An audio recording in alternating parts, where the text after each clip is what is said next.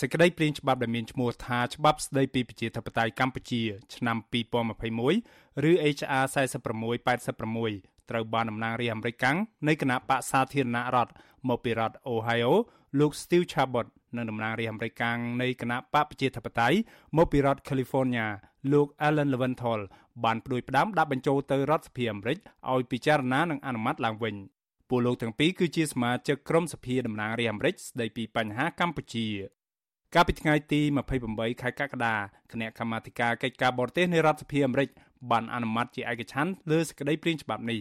សេចក្តីព្រាងច្បាប់ដាក់ទណ្ឌកម្មមន្ត្រីជាន់ខ្ពស់កម្ពុជា កាលពីពេលមុនធ្លាប់ត្រូវបានរដ្ឋសភាអាមេរិកអនុម័តជាផ្លូវការម្ដងរួចមកហើយតែมันអាចចេញរួចពីដៃព្រឹទ្ធសភាក្រោយពីអាណត្តិចាស់បានផុតរលត់ទៅ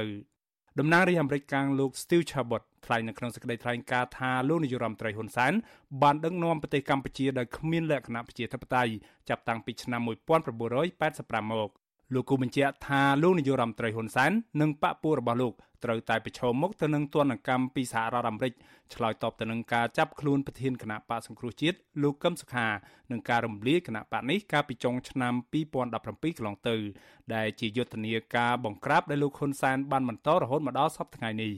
ដូច្នេះហើយលោកថាយើងត្រូវតែឈរជាមួយប្រជាពលរដ្ឋកម្ពុជា នៅក្នុងពេលដែលលោកហ៊ុនសែនបន្តបង្ក្រាបមកលើសិទ្ធិរបស់ពួកគេនិងរារាំងមិនឲ្យមានការបោះឆ្នោតដោយសេរីនិងយុត្តិធម៌តំណាងរាជអាមេរិកកាំងរូបនេះសង្កត់ធ្ងន់ថាច្បាប់ដាក់ទណ្ឌកម្មនេះនឹងធ្វើឲ្យលោកហ៊ុនសែនទទួលខុសត្រូវចំពោះទង្វើទាំងនេះលោកបញ្យល់ថាច្បាប់នេះគាំទ្រសេចក្តីប៉ងប្រាថ្នារបស់ប្រជាពលរដ្ឋកម្ពុជា ដែលចង់បានលទ្ធិប្រជាធិបតេយ្យស្របច្បាប់ រីឯតំណាងរាជអាមេរិកកាំងមួយរូបទៀតគឺលោក Alan Leventhal ថ្លែងថារបបដឹកនាំរបស់លោកនាយរដ្ឋមន្ត្រីហ៊ុនសែនបានធ្វើអ្វីៗគ្រប់បែបយ៉ាងនៅក្នុងអំណាចរបស់ខ្លួនដើម្បីបំផ្លាញក្តីសង្ឃឹមរបស់ប្រជាពលរដ្ឋកម្ពុជា ដែលប្រាថ្នាចង់បានលទ្ធិប្រជាធិបតេយ្យរាប់ចាប់តាំងពីការកែប្រែស្ថានភាពសេរីភាពសារព័ត៌មាន ការហាម5អ្នកនយោបាយបពប្រឆាំងមិនឲ្យធ្វើនយោបាយ រហូតដល់ការរៀបចំព្រឹត្តិការណ៍បោះឆ្នោតខ្លាំងខ្លាយដើម្បីប្រកាសថាខ្លួនលោកជាជំរើសរបស់ប្រជាពលរដ្ឋលោកថាការដាក់ទណ្ឌកម្មនេះគឺជាតម្លៃដែលលោកហ៊ុនសែននិងរបបរបស់លោកត្រូវតែបងសងចំពោះអ្វីដែលពួកគេបានបង្ក្រាបឥតឈប់ឈរមកលើសេរីភាពរបស់ប្រជាពលរដ្ឋកម្ពុជានេះគឺជាលើកទី1ហើយក្រមអាណត្តិថ្មីនៃរដ្ឋបាលរបស់លោកប្រធានាធិបតី Joe Biden ដែលសេចក្តីព្រាងច្បាប់នេះត្រូវបានលើកយកមកពិចារណាឡើងវិញ ទោះជាយ៉ាងណាសេចក្តីព្រាងច្បាប់នេះនឹងត្រូវឆ្លងកាត់នៅដំណាក់កាលជាច្រើនហើយអាចចំណាយពេលយូរតទៅទៀតមុននឹងដាក់ឲ្យរដ្ឋសភាអាមេរិកអនុម័តជាផ្លូវការបន្ទាប់មកសេចក្តីព្រាងច្បាប់នេះនឹងត្រូវបញ្ជូនបន្តទៅឲ្យស្ថាប័នព្រឹទ្ធសភាអាមេរិកអនុម័តទើបប្រធានាធិបតីអាមេរិកអាចចុះហត្ថលេខាក្លាយជាច្បាប់សម្រាប់អនុវត្តជាផ្លូវការតែម្ដង បើទោះបីជាមានសេចក្តីព្រាងច្បាប់មួយចំនួនបានឆ្លងផុតពីដៃរដ្ឋសភាអាមេរិកសម្រាប់ក៏ដោយក៏មានពេលខ្លះសេចក្តីព្រាងច្បាប់ទាំងនោះអាចត្រូវខ្ទាស់នៅព្រឹទ្ធសភាអាមេរិកហើយมันអាចឆ្លងរួចផុតដល់ដៃប្រធានាធិបតីអាមេរិកចុះហត្ថលេខាអនុម័តជាច្បាប់បានដោយសារតែបញ្ហាខ្វែងគំនិតគ្នាផ្នែកនយោបាយទោះបីជាយ៉ាងណាប្រធានសាខាគណៈបកសង្គ្រោះជាតិប្រចាំទ្វីបអាមេរិកខាងជើង លោកអ៊ុងរ៉ាធីហៅការអនុម័តនេះថាជាដំណឹងល្អបំផុតសម្រាប់ក្រុមអ្នកប្រជាធិបតេយ្យជាពិសេសគណៈបកសង្គ្រោះជាតិនិងគណៈបកប្រឆាំងមួយចំនួនទៀតដែលជឿជាក់លើលទ្ធិប្រជាធិបតេយ្យលោកសង្ឃឹមថាមិនយូរមិនឆាប់សេចក្តីព្រាងច្បាប់នេះនឹងត្រូវរដ្ឋសភាអនុម័តហើយអាចឆ្លងកាត់ព្រឹទ្ធសភាបាន។បាទនេះគឺជាច្បាប់ដដែលទេគាត់បន្ថែមនៅចំណុចខ្លះដែលពាក់ព័ន្ធនឹងចរន្តនយោបាយថ្មីនៅប្រទេសកម្ពុជាអញ្ចឹងគាត់ថាសារតែច្បាប់ជាប់ម្ដងហើយនៅក្នុង Congress ហ្នឹងអញ្ចឹងខ្ញុំជឿថាវាមិនជាយូរទេហើយដោយសារតែជាអនុញ្ញាតកាលដែលច្បាប់ចេញ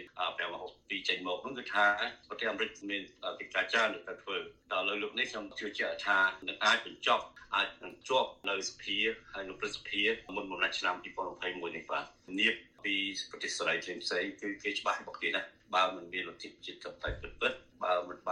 លែងឲ្យមានសេរីភាពអ្នកដែលកំពុងតែនៅក្នុងពន្ធនាគារដែលអយុត្តិធម៌នេះនឹងធ្វើឲ្យរដ្ឋបក្សជាតិមិនការឡើងគេអត់បញ្ឈប់ទេអញ្ចឹងរឿងនេះមិនមែនជារឿងលេងសើចទេរីឯអ្នកឃ្លាំមើលបញ្ហាសង្គមនិងនយោបាយបណ្ឌិតសេងសេរីហៅការសម្រេចនេះថាជាជំហានតូចមួយ តែលោកថាអ្វីដែលលោកព្រួយបារម្ភនោះគឺការដែលកម្ពុជាអាចបាត់បង់ប្រព័ន្ធអនុគ្រោះពន្ធ EBA របស់សហភាពអឺរ៉ុបទាំងស្រុងទៅវិញទេ សម្រាប់ខ្ញុំខ្ញុំមើលឃើញថាការចាត់វិធានការរបស់សហរដ្ឋអាមេរិករបស់សភាអាមេរិកមកលើមន្ត្រីជាន់ខ្ពស់ដែលពាក់ព័ន្ធទៅនឹងការរំលោភបំពានប្រជាធិបតេយ្យនេះវាជារឿងមួយដែលតូចទេគ្រាន់តែជាការពមៀនដោយផ្ទាល់ទៅលើមន្ត្រីជាន់ខ្ពស់ទាំងនោះតែប៉ុណ្ណោះប៉ុន្តែអ្វីដែលយើងបារម្ភមួយទៀតនោះគឺការបាត់បង់ EBA ថែមទៀតហើយ EBA នេះវាជាដង្ហើមឬក៏វាជាជីវិតនៃមនុស្ស70ម៉ឺននាក់ដែលទទួលបានប្រាក់បៀវត្សពីវិស័យហ្នឹងទោះជាយ៉ាងណារហូតមកទល់ពេលនេះនៅមិនទាន់មានសញ្ញាណាមួយថាសហភាពអឺរ៉ុបអាចនឹងពិចារណាដកហូតប្រព័ន្ធអនុគ្រោះពន្ធ EBA ដែលនៅសេសសល់80%ពីកម្ពុជានោះទេក្រោយពីអឺរ៉ុបបានដក20%ដែលបានចាប់ផ្ដើមចូលជាធរមានកាលពីពាក់កណ្ដាលខែសីហាឆ្នាំ2020កន្លងទៅប្រតិកម្មតបទៅនឹងការអនុម័តរបស់គណៈកម្មាធិការកិច្ចការបរទេសនៃរដ្ឋាភិបាលអាមេរិកនេះអ្នកនាំពាក្យបកកណ្ដាលអំណាច លោកសុអេសានថ្លែងប្រាប់វិសុយស៊ីស្រីកាលពីយប់ថ្ងៃទី29ខែកក្កដាថាការធ្វើច្បាប់ដាក់ទណ្ឌកម្មរបស់អាមេរិកមកលើមន្ត្រីជាន់ខ្ពស់កម្ពុជានេះនឹងមិនមានប្រសិទ្ធភាពនោះទេលោកហៅរឿងសភាអាមេរិកធ្វើច្បាប់នេះថាជារឿងដដែលដដែលដែលធ្វើឡើងដោយលំអៀងផ្នែកនយោបាយទៅខាងគណៈបពប្រឆាំងទោះជាយ៉ាងណាលោកសុយសានថាកម្ពុជានឹងមិនឆ្លើយតបដោយធ្វើច្បាប់ប្រឆាំងនឹងការដាក់ទណ្ឌកម្មដើម្បីសងសឹកមន្ត្រីអាមេរិកវិញនោះទេ អូខ្ញុំយល់ថាដាល់គ្នាលុះត្រាតែទម្ងន់ស្មើគ្នាឬប្រហាក់ប្រហែលគ្នាបានទៅរួចអានឹងនិយាយដោយស្មោះត្រង់កម្ពុជាមានសិទ្ធិអីមានកម្លាំងអីទៅដាល់ជាមួយអាមេរិកនោះវាអត់មានទេអញ្ចឹងការដាក់ទណ្ឌកម្មរបស់អាមេរិកមកលើកម្ពុជាវាជាសិទ្ធិរបស់អាមេរិកហើយវាឆ្លុះបញ្ចាំងថានឹងវានៅវប្បធម៌ចក្រពត្តិនឹងវានៅមាននៅលើពិភពលោកក្នុងសម័យថ្មីនេះ គាត់ថានៅពិភពលោកឥឡូវវាមិនមែនឯកពលដូចពីមុនទេវាមានពហុពលវាមានអ្នកខ្លាំងទឹមទឹមគាត់ដែរផ្អែកតាមខ្លឹមសារនៃសេចក្តីព្រាងច្បាប់នេះប៉ះសិនបើសេចក្តីព្រាងច្បាប់នេះត្រូវបានអនុម័តប្រធានាធិបតីអាមេរិកមានសិទ្ធិកំណត់ឈ្មោះមន្ត្រីជាន់ខ្ពស់ក្នុងជួររដ្ឋាភិបាលយោធានិងកងកម្លាំងប្រដាប់អាវុធកម្ពុជាដែលបានជាប់ពាក់ព័ន្ធទៅនឹងការបំផ្លាញប្រជាធិបតេយ្យនិងរំលោភសិទ្ធិមនុស្សធ្ងន់ធ្ងរនៅកម្ពុជាដើម្បីដាក់ទណ្ឌកម្មពួកគេ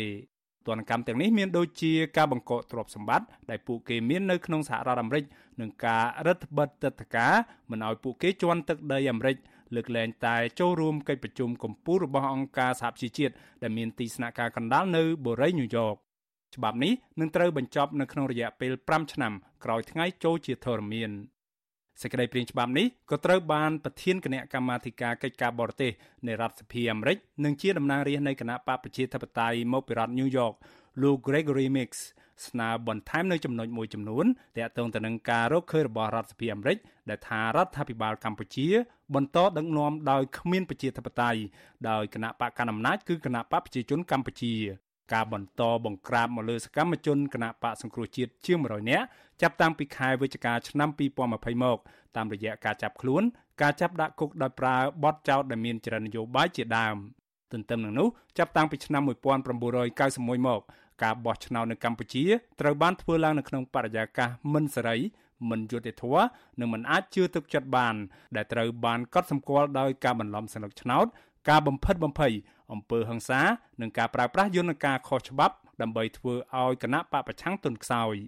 ចំណុចចុងក្រោយនៃសេចក្តីព្រាងច្បាប់នេះក៏មានស្នើបន្ថែមនៅកថាខណ្ឌបញ្ជាក់ថាសហរដ្ឋអាមេរិកបដិញ្ញាលើកកម្ពស់លទ្ធិប្រជាធិបតេយ្យសិទ្ធិមនុស្សនិងនីតិរដ្ឋនៅកម្ពុជាសហរដ្ឋអាមេរិកបន្តជំរុញឲ្យរដ្ឋាភិបាលកម្ពុជា